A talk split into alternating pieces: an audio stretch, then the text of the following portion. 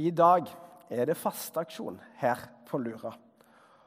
Og dere som er konfirmanter, skal gå rundt med bøsser og samle inn penger til Kirkens Nødhjelp sitt arbeid. Andre steder i landet er aksjonen enten i dag eller på mandag eller tirsdag. Da kan dere være med og gi mennesker håp i overveldende omstendigheter. Og vi møtes daglig med overveldende nyheter. Her om dagen så kunne vi lese at i USA blir store innsjøer helt tomme for vann. Om vannmangel sjøl her i Vesten. Fasteaksjonen går til å gi vann til de som trenger det aller, aller mest. I land som Tanzania og Etiopia. Og gi vann til mennesker som nå må bruke store deler av tida si på å få tak i rent vann. Når de får tilgang på rent vann, så kan de bruke den tida på andre ting, f.eks. på å ta utdannelse. Dette gjør at du som er med og samler inn penger til fasteaksjon, enten gjennom å gå med bøsser eller gjennom å gi, blir håpsbærere for mennesker som ikke har de grunnleggende behovene dekka på samme måte som oss. En annen som virkelig fikk bære et stort håp, er ei kvinne som i dag feirer i denne gudstjenesten. For i dag er det Maria budskapsdag, og vi feirer at det er omtrent ni måneder siden, omtrent ni måneder til jul. Og vi feirer at Jesus kom til jorda som et lite barn. Maria budskapsdag handler om en av de viktigste menneskene gjennom hele verdenshistorien. Hun som dukker opp litt ut i desember hvert eneste år, for så å pakkes inn i tørkepapir og legges i ei pappeske på loftet til neste jul. Vi snakker selvfølgelig om Maria, Jesu mor. Historien om Maria begynner med at hun får besøk av en engel. Og engelen kommer med en helt spesiell beskjed. Som om det ikke var spesielt nok å få besøk av en engel i utgangspunktet. Og vi tar med oss historien om Maria fra Lukas evangeliet. La oss høre Herrens ord.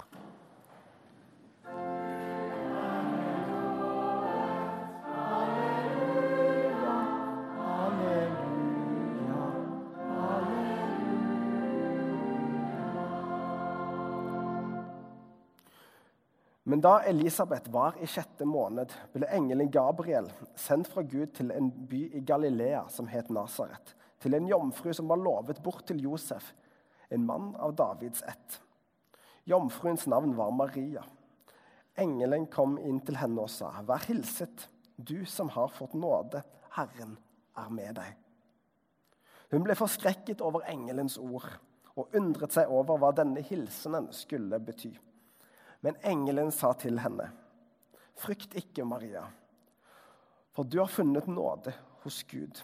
'Hør, du skal bli med barn og føde en sønn, og du skal gi ham navnet Jesus.'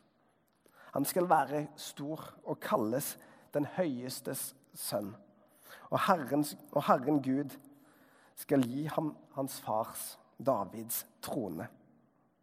Han skal være konge over Jakobs hus til evig tid det skal ikke være ende på hans kongedømme. Maria sa til engelen, 'Hvordan skal dette kunne skje når jeg ikke har vært sammen med noen mann?' Engelen svarte, 'Den hellige ånd skal komme over deg, og den høyestes kraft skal overskygge deg.' Derfor skal barnet som blir født, være hellig og kalles Guds sønn. Og hør, din slektning Elisabeth venter en sønn, hun også, på sine gamle dager. Hun som de sa ikke kunne få barn, er allerede i sjette måned. For ingenting er umulig for Gud. Da sa Maria, se, jeg er Herrens tjenestekvinne. La det skje med meg som du har sagt. Så forlot engelen henne. Slik lyder det hellige evangelium.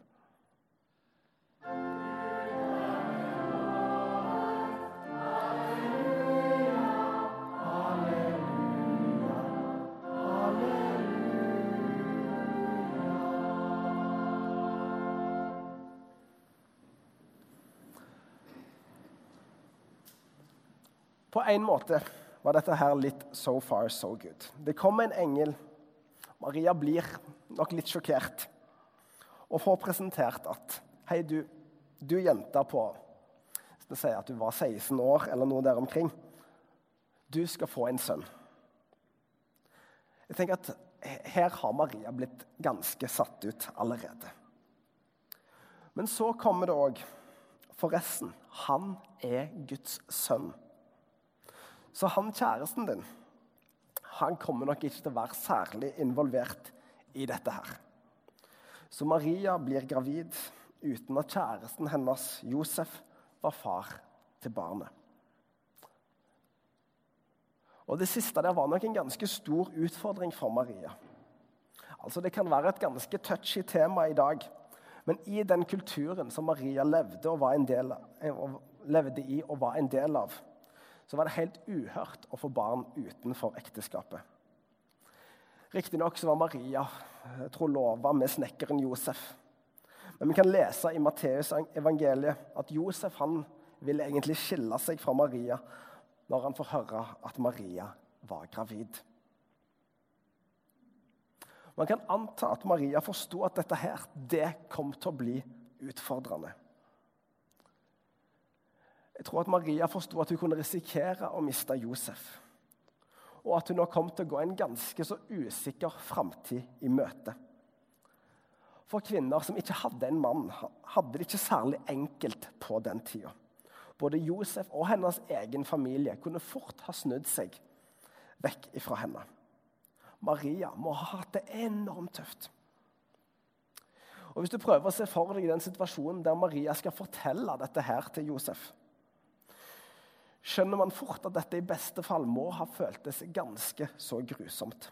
Altså, Maria venta en sønn, og det eneste hun kunne fortelle til Josef, var at hun hadde fått besøk av en engel som hadde sagt at hun skulle føde Guds sønn.